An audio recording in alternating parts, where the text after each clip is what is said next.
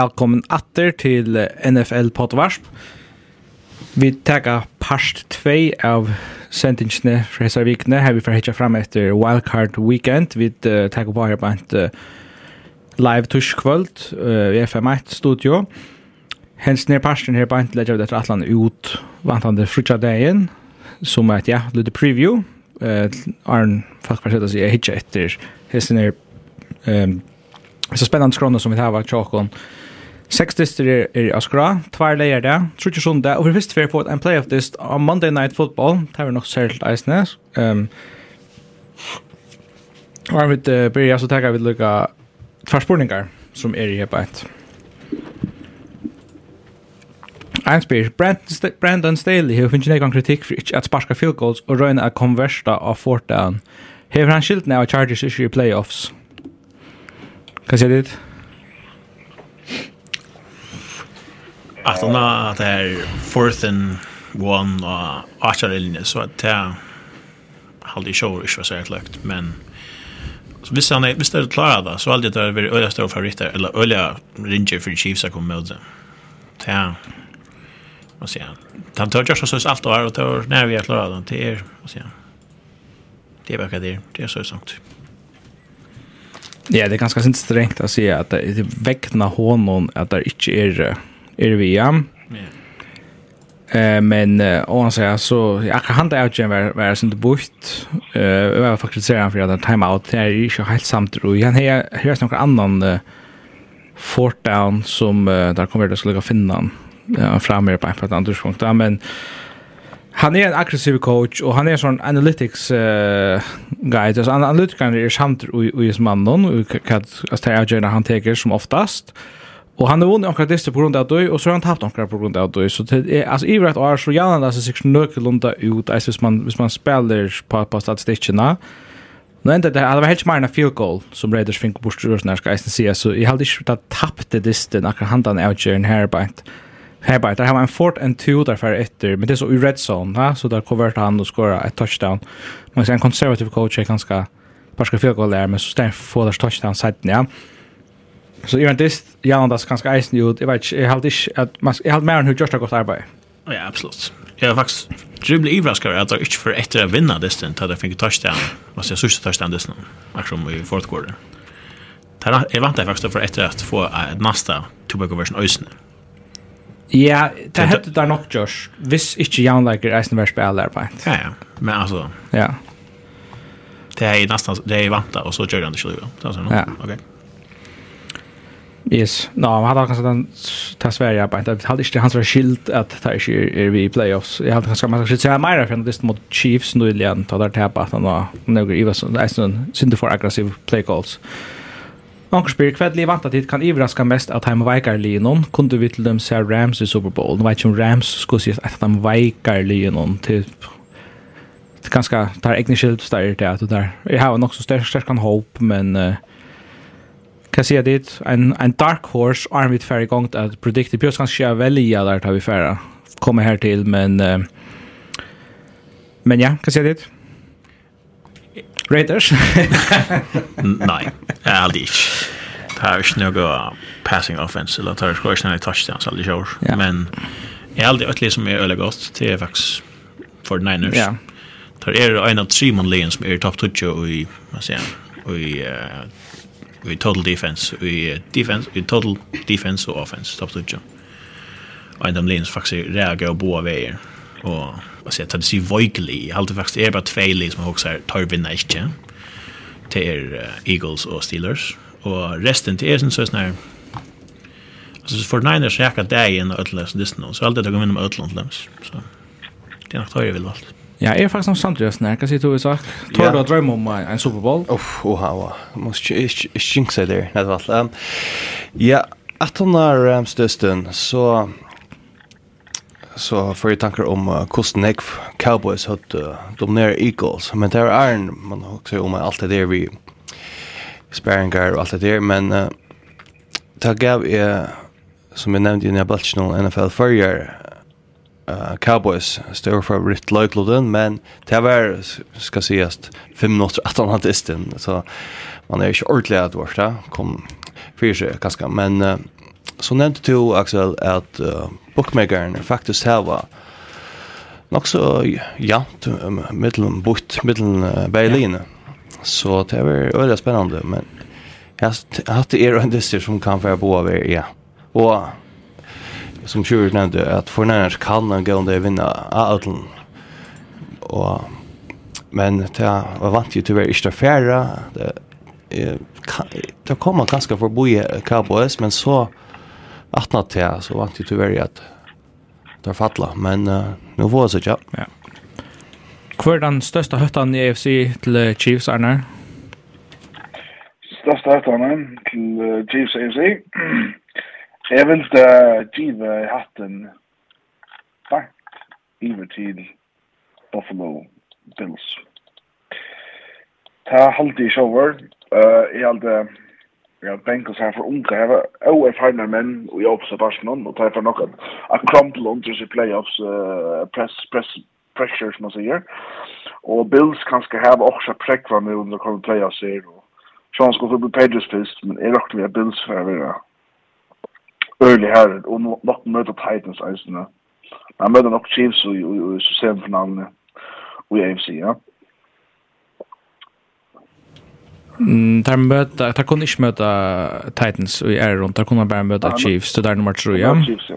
Så tar kommer möta Chiefs, men, men jag vill säga allt annat än en Super Bowl är en fiasko tja Buffalo Bills. Jag ska inte säga fiasko, men det är, det er vann brått. Det har varit Conference Championship i fjør, tar det ikke vært nøkter vi er for ut. Derfor er ikke nøkter vi er for ut i er rundt mot Chiefs. Selv om Kappengar ikke kan ikke gå til Diamond. Så det er et liv som er eier av en av største linjen i Japan. Så jeg vet helt ikke man kan kalla det for en underdog eller så. Det er faktisk av en av tunge drønnsen på en. Så jeg vil si at, at, at Bengals er nok motlig, altså Alt er sjón er Bilson Hutta, men i haldi eisini at at her eier så er vera vi betraktning her oppe. Så Cincinnati nok det som som Ja, sin sorgs, sin underdogs kunne komme inn via den der mentaliteten og, og ivraska några lite. Han vant inte at Patriots Raiders eller stil, säljas inte Steelers har möjlighet för att göra. Men ska vi färdla enkelte distnar? Ja. Yes. To Corber het uh, Arnar. Ja, har skött det. Det är så super wildcard weekend, Jokon. Vi färdar att kommande veckorna ha ett recap i vad lucka som distan som har varit och så får vi ett att göra en av söndag ut och skärpa poddvar för Spotify app och som säger ja med eh kan på det så jag heter brot så vi nu är live kväll det har vi sent kors ut för det och skärpa poddvar så vi är det blir nog av en så då är för mig isen ja. Så innan Spotify och söndag recap som tog i Arden och så på sådana preview ja. kanske skärpa ut hösten på sen fyra men så tar jag liksom tvärsändningar faktiskt och vikna NFL och så kan man också välja kan man ta bättre ja. själva. Först så vill jag säga att jag älskar det att uh, Wildcard Weekend, hur finns det annars Super Wildcard Weekend, det är så jävligt amerikanskt och läckert. Det känns det att för varje fyra dyster, några sex dyster, det är playoffs och blue större, men är helt vi på år Super Wildcard Weekend. Det är så fakt, där vi börjar till lördagen, två dyster lördagen, två, uh, trusig söndagen, Och så är det en distimada, en fantastisk viktigt här för NFL-tjepare och helst det som high stakes business som det är. Vi blir bäst vi leder en första som det här vi är. Vi playoffs till Raiders och Bengals. Vi kan en en kan Raiders från vi vi vi vi här. Just the preview preview av Raiders och Bengals så är det först för några av Bengals är ju i playoffs. Og så er Raiders eisne, som at nu kommer playoffs er uh, shooter. Kvært uh, hev to framtiden til er Raiders Bengals. Sjálfur haldi jeg at Bengals er og mer talentfotler av så å si öllum blåsen. Öllum viktigum blåsen, haldi sjálfur. Tar, jeg haldi sjálfur tar er og kjempe favoritter. Tar, jeg haldi sjálfur tar better, better quarterback, better running back, better receiver, better, better, ikke better, må jeg si, tight end, men tar matcha upp öle väl så ser alla stanna. Och ja. kanske det önaste som Raiders har som tar ganska inte ordentligt har. Schalten där har en öga varje. Så alltid är Max Crosby och Yannick Ngakwe är då helt otroliga år. Och stark kunde komma till Burrow och vad ska ska lägga upp några center. Så kanske där kunde göra också, men showers. Jag har en nutcha till tror nästan. Och för vi är inte on this year. Ja. Uh, John Mixon er testa positiv for corona, og vi er ikke videre nå. Ok. Uha, uha. No, no, no. Ja, brøyde kanskje sintra. Wow. Ja, det må dere gjøre større kanskje kastet seg på sin i morgen, men... Det er faktisk rettelig enn jeg kan si, ja. Ja, det er det faktisk. Jeg ser faktisk at spiller på linjen, hun er, altså bettinglinjen, hun er fær nyer fra 6,5 uh, favoritt, altså uh, Cincinnati Bengals min 6,5 til uh, 5 nu, Ja. Det er kanskje andre nær som brøyta sinter, men, men oansett så, så er Bengals metter at vera, så, man kan säga sinter greie favoritter i mode Raiders, men, men tror du på at, at man kan, man kan teka han i Cincinnati? Altså hvis det er alltså att man har är året jag Raiders så vill ju sagt näka är omöjligt sjönde. Att man är då så vinna fyra det och allt händer att man skulle hända och ta komma vi i playoffs. Men Shower vill det är mätt att Bengals är då alltså för det som du sagt säkert fem steg nu. Men så visst nu att jag kunde jag lägger över en fyra lägger en pressure och och ha ganska några sacks. Jag vet inte, ja det kan hända sig men är shower alltid ett Bengals är det. Men det kan ju mixen ute så vad skulle det kan hända. Ja, och Hvis jeg kan ta syndrom om Cincinnati-parsten ganske, så, så har jeg vært jo i søstene ser helt øyelig største ut, og jeg nevnte hvordan imponerer jeg ved ja, av Joe Burrow i søstene, altså han spalt absolutt top-level quarterback, altså uh, uh, helt i den søste mannen. Han fikk han litt skia her mot enda noen av disse noen mot Chiefs, og det var eisende tog at jeg hadde sett han ut av kvile siste vike, og man kan så spekulere på at han 100% klarer, han kommer sånn til helt sikkert å spille, men om han er 100% klarer, så er det sin driva samtrykk om Raiders av secondary klarer at uh, fylltja vi, og hvis distrin kommer ut i en shootout, så trygg vi ikke at Raiders har en chans. Det sitter sånn. Ja, Eh, alltså Vegas är nummer 9 i pass defense, ja. Och utan Mixon så har det faktiskt bara ordentligt en faktiskt pass träff här där. Vi är snär eh pass rush och charge Raiders isen så här Burrow has taken most sacks, en av sacks of the season. Så han sa Oland är konstant och allt under press så det var inte. Jag vill det edge faktiskt till Raiders och business nu med Mixon gjort.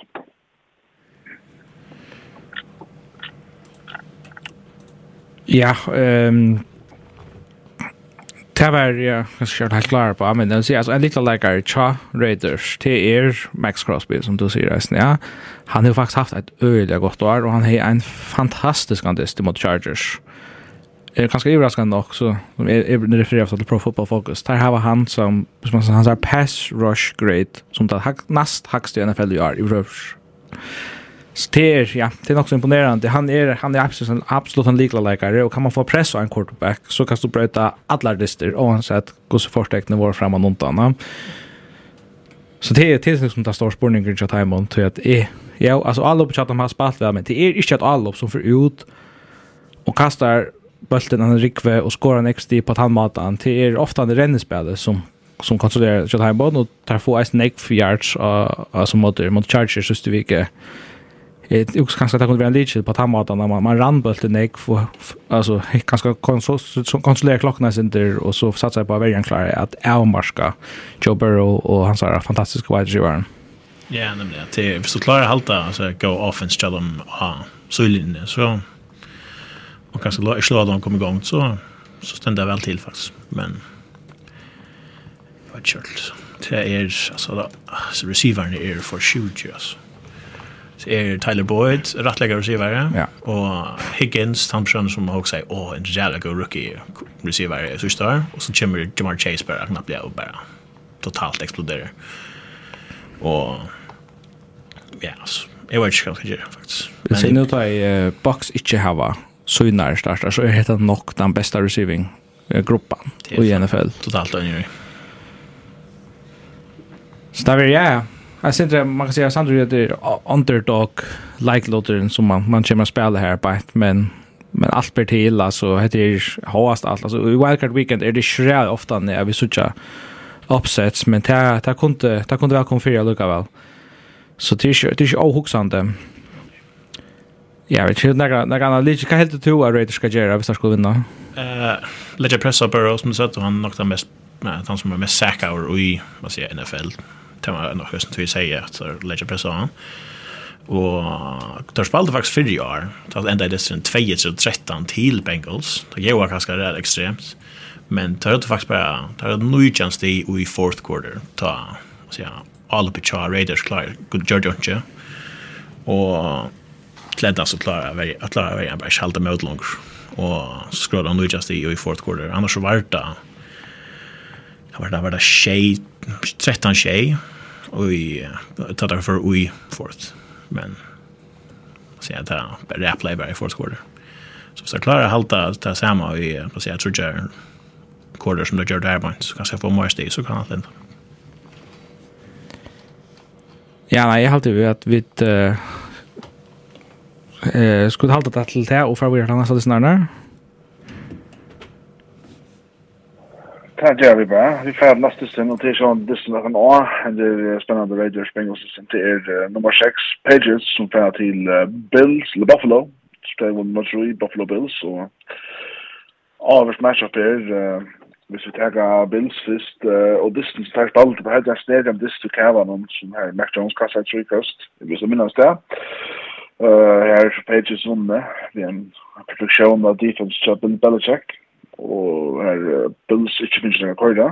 Men så finnes Bills sin hevn til desembermannen her der fullstendig knuste pages som til vi tror til stien og 480 yards uh, 80 yards til sammen uh, fra Josh Allen uh, Next year, book my favorites, det er nok Bills and listen her, men uh, men for hit, how a Patriots, uh, Naga her, uh, og i Loddersen uh, heita Bills-lignende tar man hela Bill Belichick och i en playoff liste så så kan man som man alltid vi. Ta man man också ja men men han har inte det är en nem uppgåva att uh, skulle ha Mac Jones ut att vinna i mot Bills. Men det hade en en nog rättliga pressen dist för i år här utar så vinna men men då säger så var var det några elementer ut det nog ganska som har spalt ölla neck nu vet vi det inte här torskvalt går så väckre för att vara lejarkvalt i i Buffalo landisten. med det är två liksom känner kvarnan rävliga väl. Och bookmakern har han bara nu till minus 4,5 här vi, nej minus 4. Så det är också ja, tror jag att hemmabanan månaden cirka tror ju vann då så så där tar sig det in är är längt väck från cornern det styrs med tänk men um, är halta snurs det kommer nok ner till hur Josh Allen spelar. Vad är så? Han har spelat väl senast, nej? Eh och han hejes senast där spelade mot nu egentligen här rättliga tropla omstöver men ta Megna Jana spela en brantist och han var också slad av vunnit här. Men ut distan i Buffalo ta att han som under här på ta där the last one district Cavan och ta så det ska gott ut.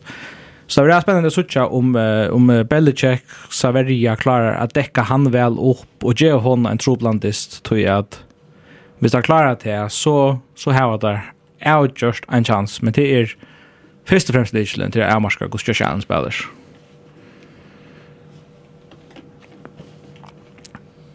Og altså, man kan lukka litt kjatt til på en sånn til at, at renne spillet til Bills har rikka bedre, uh, der sjøstes nær, og altså, mitt annet enn Singletary her, nesten, han er ikke med over, altså, så far fancy her.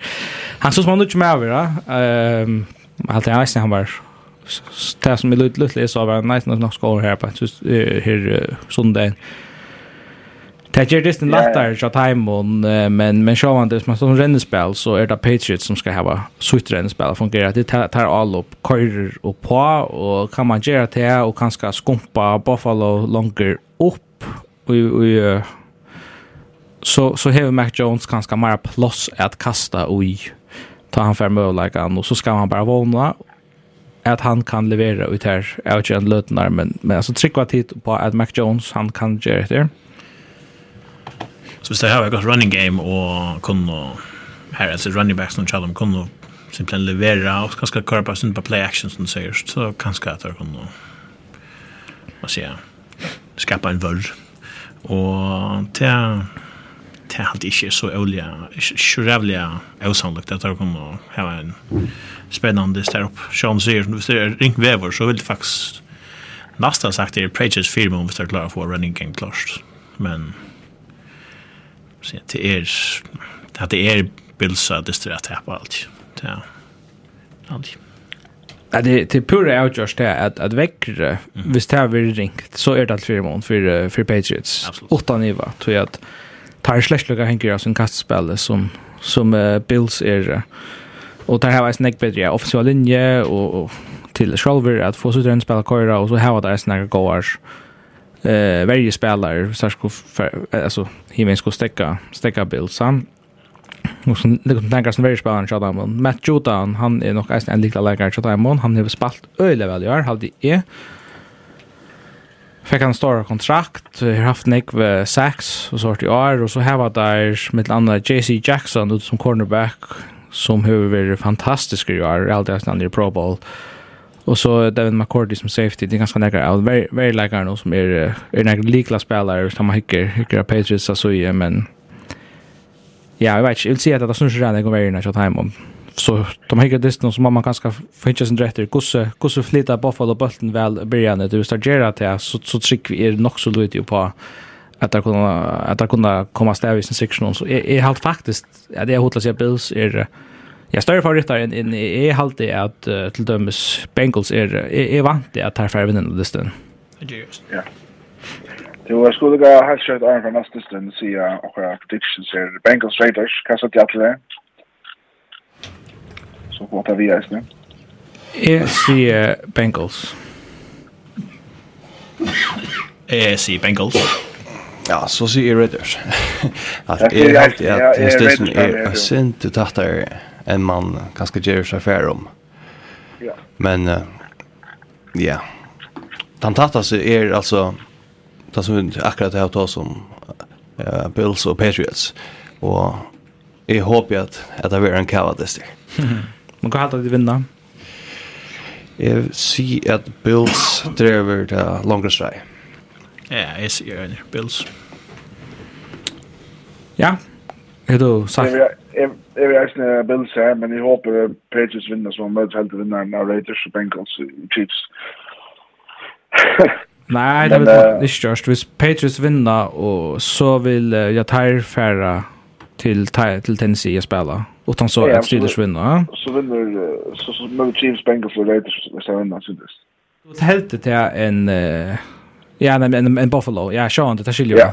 Det skiljer väl. Ja, Vi tar en laste til Drogon, helt som nummer 2 i side i, i, i NFC, det Tampa Bay Buccaneers, som, uh, som får Philadelphia Eagles av Vitjan. Og her prøver jeg spørre som jeg kan tog på det her tid. Uh, Buccaneers, jeg var...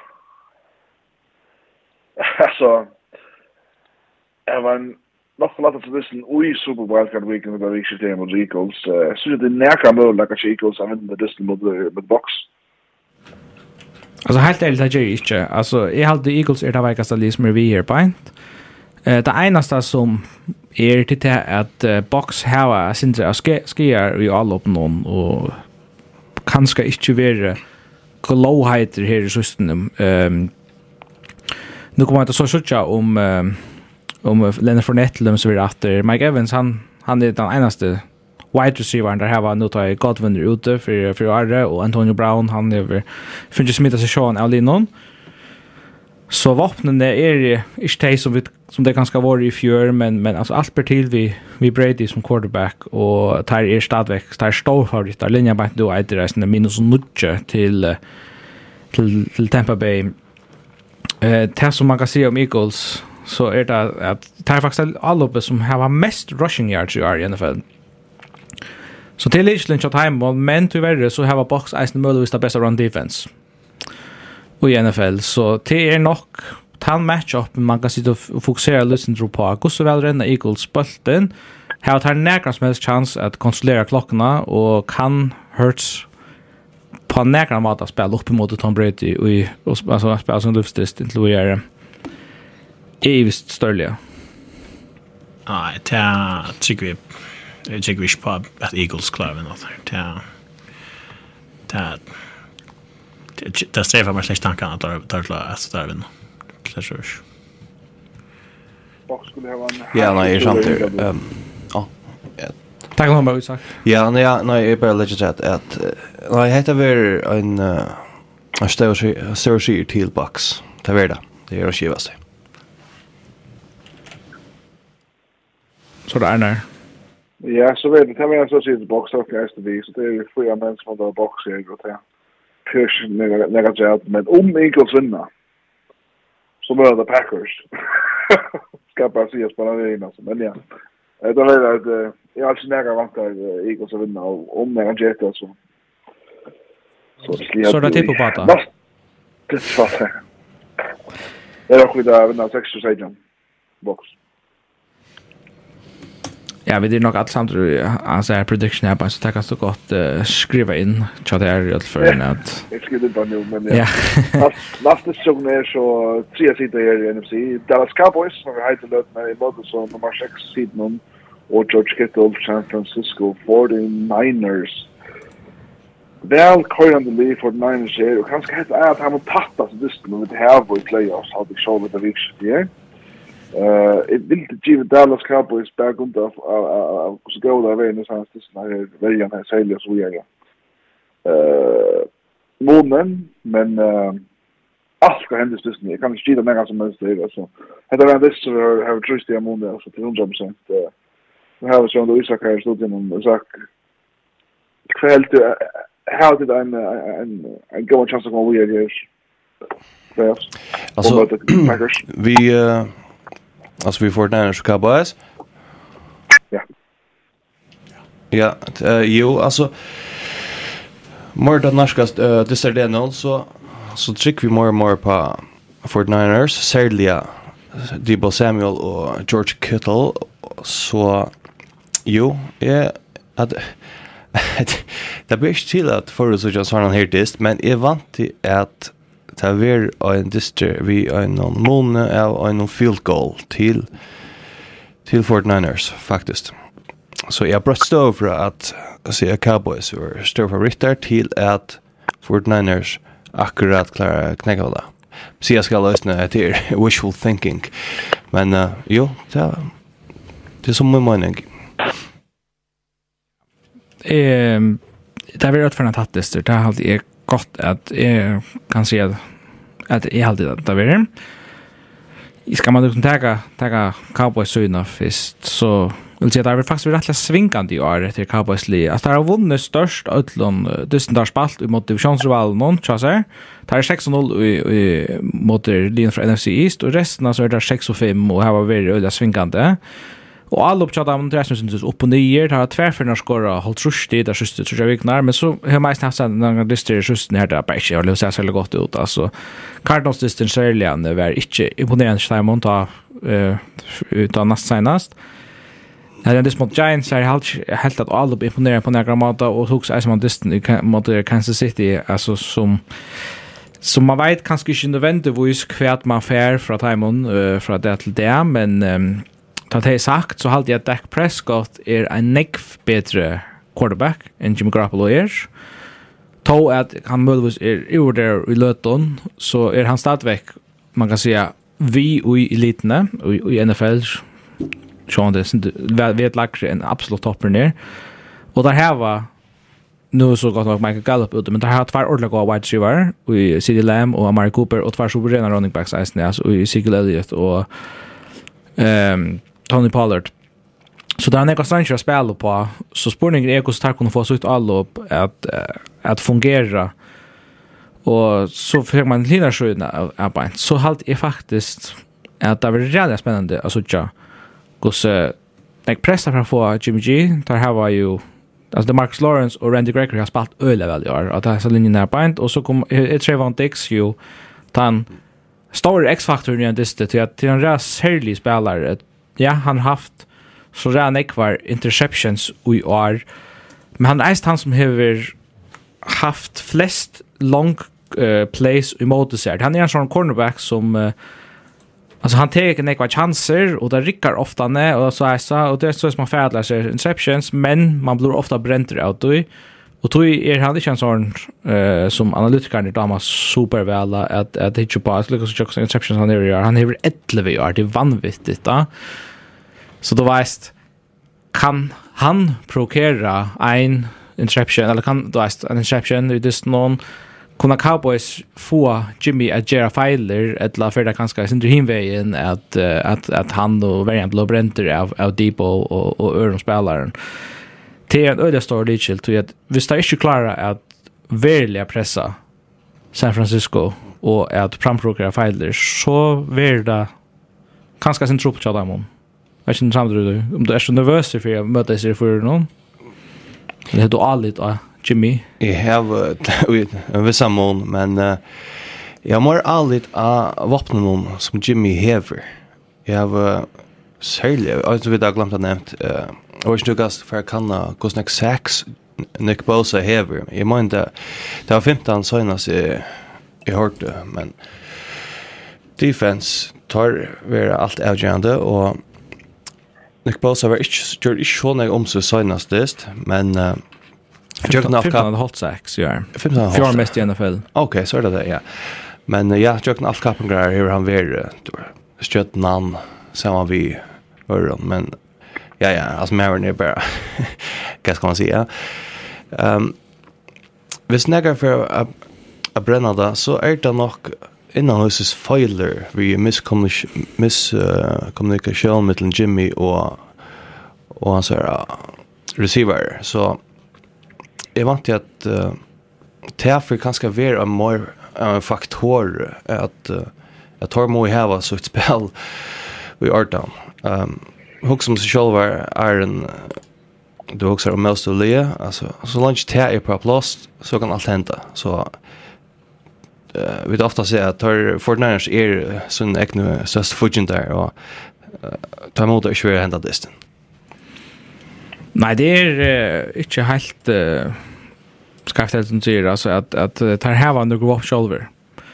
Hvis det någon och også ganska sälja at Debo Samuel hever så rannig å si för där. der. Så han kan bära allt och ta så vi i alltså fotland grad i måte Rams. Han bære kastar, och men det tar bruk så rannig som, som, som running back, eisen, eller på sånne rennesbøl.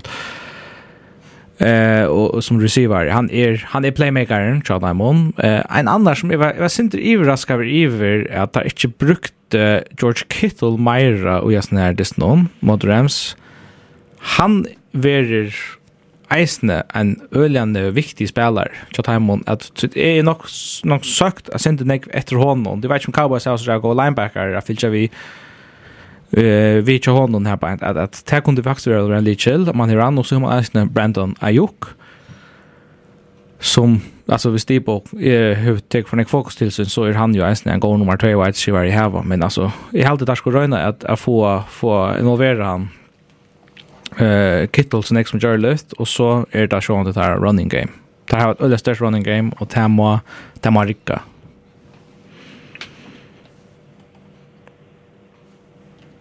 Och som är på sandu där Nick Bosa till till Lishlin jobb hem alltså pass rush ska köra här i snö för att få pressa alltså där har där har något över ju. Det var spännande att jag går för att klara sig. Ja. Eh, Övan är ett det stör är GD att kanske ska till till titta lyssna till eh Bergo Isak för Niners. Ja, jag har då ett field goal framför. Alltså simpelthen Tristy. Amona. Sure. Eh, sure. Jag har faktiskt ho att säga för Niners, men det är uh, alltså man håller man så man glömmer det är att at Trent Williams ikke spiller vi dist. Ja, men ja. Og det var ikke som det er ganske tog at Kittel ikke fikk sin egg i siste dist. Det er ganske det han har gjort til og chippa, hva sier jeg, til fest enda her av Mr. Søy. Men jeg, jeg hoa velja for Niners. Det gjør jeg eisne. Sjalt om ja. Det er ganske Giants-fjepar nummer som hoppar på at Giants Cowboys fyrir ut det, ja. Hey, jag vill säga där vi är. Jag vill säga att Cowboys är touch? Oha. Jag tror att nej. Cowboys är nöjda alldeles akkurat, så att vi. Men Madonna är över för den som franchise och all the guys. Bastis jogger om till så sitt nummer 6 i möter sitt nummer 2 till Steelers så får till Arrowhead, kanske Chiefs. Ehm Um, listen there, det nog tar an av listen som utrust om Eagles box, som är nog tar største månen av Time Leon. Jeg det mätte att Anki for at Ivar så att at Kisa under listen här eh nog så tojan de eisene. Men det som Steelers har vært kjørende selv, shoulder er chiefs fan shoulder selv, det som Steelers har kjørende til at Hei, sørste året til Big Ben, hei, nek respekt til henne her, og jeg får gjøre alt fire. At gjøre så godt inntrykk av sine fans og sine franchise som mulig om Disney selv om alt for hender en veldig stavid av det samme. men jeg har Chiefs er det bare for større i mot stil og sier seg jeg vet ikke også om det er mer i røver men jeg råkker vi en knæsende større sier til Chiefs og disse Disney Ja, jeg, jeg har jävla ringt vi har så att uh, Steelers vinner enda distan. Det må jeg bare si som det. Det er den største underdog som vi knat här är och minus 12,5 alltså handicap ja ja bokmakeren. någon. Ehm ja Big Ben komponenter nere bara han tar bare skor nok till att vinna mot Kansas City. Det här Uh, Vi månar tog vi det nog det största i överhöver vi starfar vinna ändå distan. Så jag tycker släck på det. Jag tycker Kansas City komma latt jöknen över till till nästa runda så jag tydligt ska släppa vapnet till för vi är på inte enasta ta kunna hoppa på att det är att få snägt trust av Mahomes som gör det så är det TJ Watt likla spelaren här på och så hoppa Big Ben kan fylla vi och skora next i men men är så tjata bärs firmer så jag väljer jag väljer jag väljer Chiefs. Ja ja. Kan det lästa? Ja, här är totalt enig. Det är nästan inte jag lägger rätt. Det är Det är att det var... Nej, det var, jag var socialt aldrig. Och i sagt det samtidigt? Ja, bara säga att det är sin synd att Big Ben ska få hämta en social distance som tyvärr vart över en större till Chiefs. Ja, ja. Vi har varit listan för boxing där här Chiefs vinner 6-2 mot Steelers. Attacka på takting guys, ja va.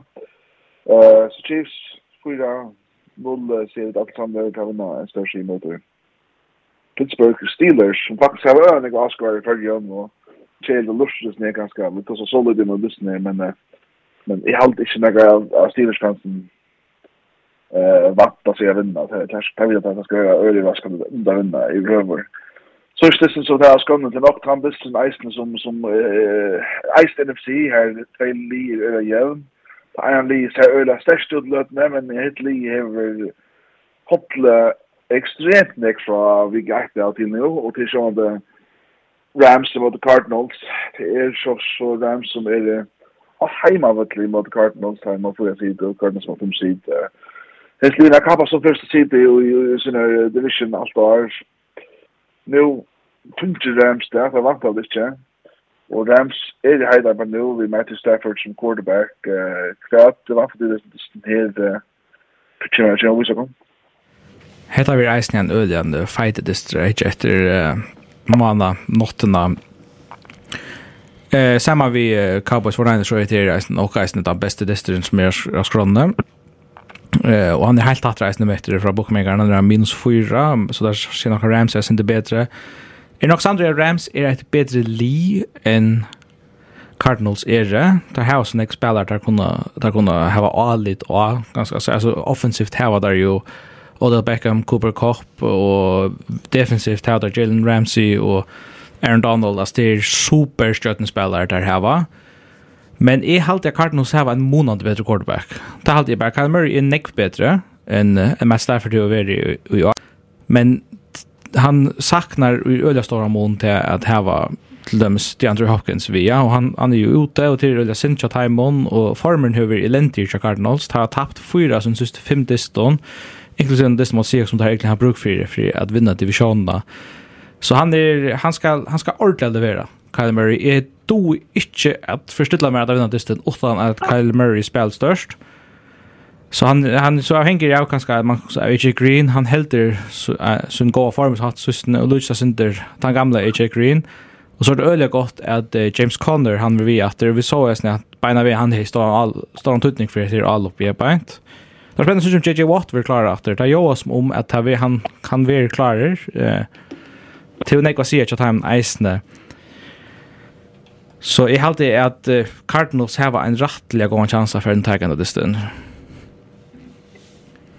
eh, jeg vil sagt først nå at uh, hvis Cardinals år var omvendt her, ikke byrja oss selge vel, men enda å vel, så är nog nok valgt Cardinals har vunne igjen dessen. Men är det er omvendt, så er jeg stedet på det. Det er, det er færre fra å være en av de ferdigste og en av de helt gode og rævig, ja. spennende ikke etter, til å knapt bli å tape det bare. Men 65 og det er sånn løyelig sjåer til at det här har varit så gåer i början av Arnon, så knappt så det där totalt det. Och jag vet inte hur jag ska hålla det. Ja, no, jeg har uh, Rams til at vinna av listen, ikke når størst i Iverhover, ganske størst uh, øttørste av måned, og ja, til ta spillet er inn som som kjører sier om uh, gongtene i senest til Cardinals, og den listen jeg sa nu vi Rams altså, jo Rams skulle ha vunnet det ställen allt det der, men uh, nei, hva skal Rams ta der? tar vi nu mot Cardinals det gjør där Ja, alltså det som uh, med Lucas må si her på inte det er at uh, Matt Stafford har haft en öde ringa form. Det er så gott nog klara vunnen några stis någon på tross av Matt Stafford. men han har haft tjej interceptions, altså, tror jag det snarare. Um, det, ja, det blir bare till i playoffs. Så man kjøper ikke lengt på, vi, på tannmaten. Men vi vet eisen til at Matt Stafford, han er fyrir fyrir at spela helt vel, altså, det, det kan han gjøre enn dyst, men vi har bare omgatt i seta i en stor dyst. Matt Stafford, altså, han har aldri, han har aldri vunnet på driftis, han har vært rennig for en Lions, og han har vært redan ofta tatt på. Han har bare omgatt tunnar prekva til at i en sånn stor dyst, så steppar han opp og, og ber li i kjøsar til sier. Så det er, Alltså det är den största stress i karriär till vad jag är. Ta jag hade inte alltså något jag snackar evigt om det och så spår om han kan eh tjacka upp till det och hiva en spelar Kyle Murray sin första playoff this nägra då det bara hans tre år i NFL. Ehm ett är stod mer på på Kyle Murray än Jerry på Matt Stafford så är för att attacka Cardinals här. Arne? Ja, jeg er til mest til at, at Rams-journalisten er, altså hvis Rams vinner, så er det fullstendig av skandaler ham. Det er på som Rams vil gjøre det selv. Jeg det koster uh, tar faktisk uh, bruk av draft picks faktisk, for jeg får det dreikere for Leon, altså. Og ikke alle jeg drafter når jeg rør, faktisk til at jeg, jeg, jeg kaster alltid til, til uh, like leikere vi, vi, vi, vi, vi, større erfaring og så videre, så det er sånn at også om. Uh, Ja, eh hvis jeg Rangers kom igjen en en finale i NFC så så skuffa det øyne, jeg kunne ikke pressa på henne ganske, og jeg hadde klart noe så form former viser ganske til at det ikke er klarer til hvis det er med Rams. Så Rams vinner 4-1 her. Ja, og då finnes jo akkurat predictions nyer her på et. vi, ja. Arnar, kan du halda om til å lette av det ut eisen i her på et. Jeg gjør det. Yes, jeg heter en måte en, en uh, Packers mot Chiefs uh, Super Bowl. Så det er Det er spennende å sjekke at det ble til, men alt, i versen skulle lukka av at alt koma. Får ikke skulle si... at... Bengals holdt på et nærmest ganske. Nei, her, her er gus, jeg sier alt fem linje i NFC, altså, altså, jeg sier, eller, alt linje utan Eagles kunna gått komma Super Bowl. Där må, må jag faktiskt säga mer. Men har vi några mer annars fra från så vikna. Jag har verkligen inte att det i AFC är som som Chiefs och så vidare. Vi har en annan favorit där i det som som som så för att vi är med Chiefs och Titans. Jag finner först sig tog som Titans ah men det är nu officiellt att det kan inte matcha. Och man kommer att 100% vet inte men han kommer att och det ger tajtmislige et månad det størskare livet der er nu. Det kommer nok alle samtidig i stortiden eisen. Pura vist, og der kommer eisen i favoritter fall rytter her på etter runde 2, der kommer, der kommer ikke møte Chiefs etla Bills, Så där är anten då Raiders, Bengals, etla, ja, Patriots eller Steelers alltså snackar man med så så är such tar ölla väl firmer i en conference championship. Där kan du höra en dist India bind. Ja. Kanske mot Chiefs där vill jag vänta. Det kunde faktiskt vara väldigt intressant. Alltså alltså ja och Alltså i NFC så hade jag en box är den största utfordraren till Packers vi vi Tom Brady. Ja. Ja. Men ja, och det är sant så jag bara ända sen som nu så jag tackar jag till morsa vi vi får kolla allt ut och ha vars på Apple Podcast och Spotify RSS feed och SoundCloud så vi är Eh Axel tackar för lugna mannen där studien nästan.